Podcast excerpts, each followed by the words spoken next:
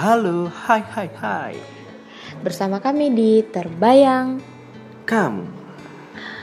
Oke, kita akan bahas tentang kita akan kasih tiga hal yang harus dilakukan ketika pacar kalian ngambek. Iya. Apa aja tuh? Yang pertama, Hmm. hmm, ngambek balik. Itu jurus jitu bagi perempuan. Nah, kalau yang laki-laki boleh ngambek balik? Gak boleh dong. Oh, nggak boleh. Boleh deh, boleh boleh buat. Tapi pasti perempuan yang menang. Gitu.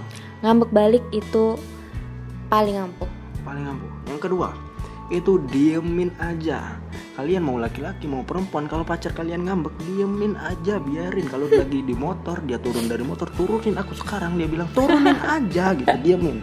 Diemin biarin aja. Kalau dia matiin telepon kalian lagi teleponan biarin aja kalian aktivitas yang lain aja. Cuekin cuekin cuekin biarin. Nanti tiba-tiba dia minta putus. Ya gitu. Iya. terus yang terakhir? Baru deh minta maaf. iya. Kalau kita udah ngambek terus berasa bersalah, minta maaf. Nah, udah Kita harus tahu, kita harus tahu dulu dia ngambek kenapa. Kita minta maaf.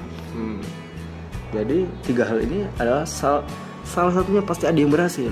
Iya, bener. Hmm. Buktinya ngambek balik itu berhasil untuk perempuan. Nah itu dia. Jadi ini adalah tiga hal yang harus dilakukan ketika pacar ngambek. Ngambek. Oke, itu aja. Ya, cukup. Oke, bye bye.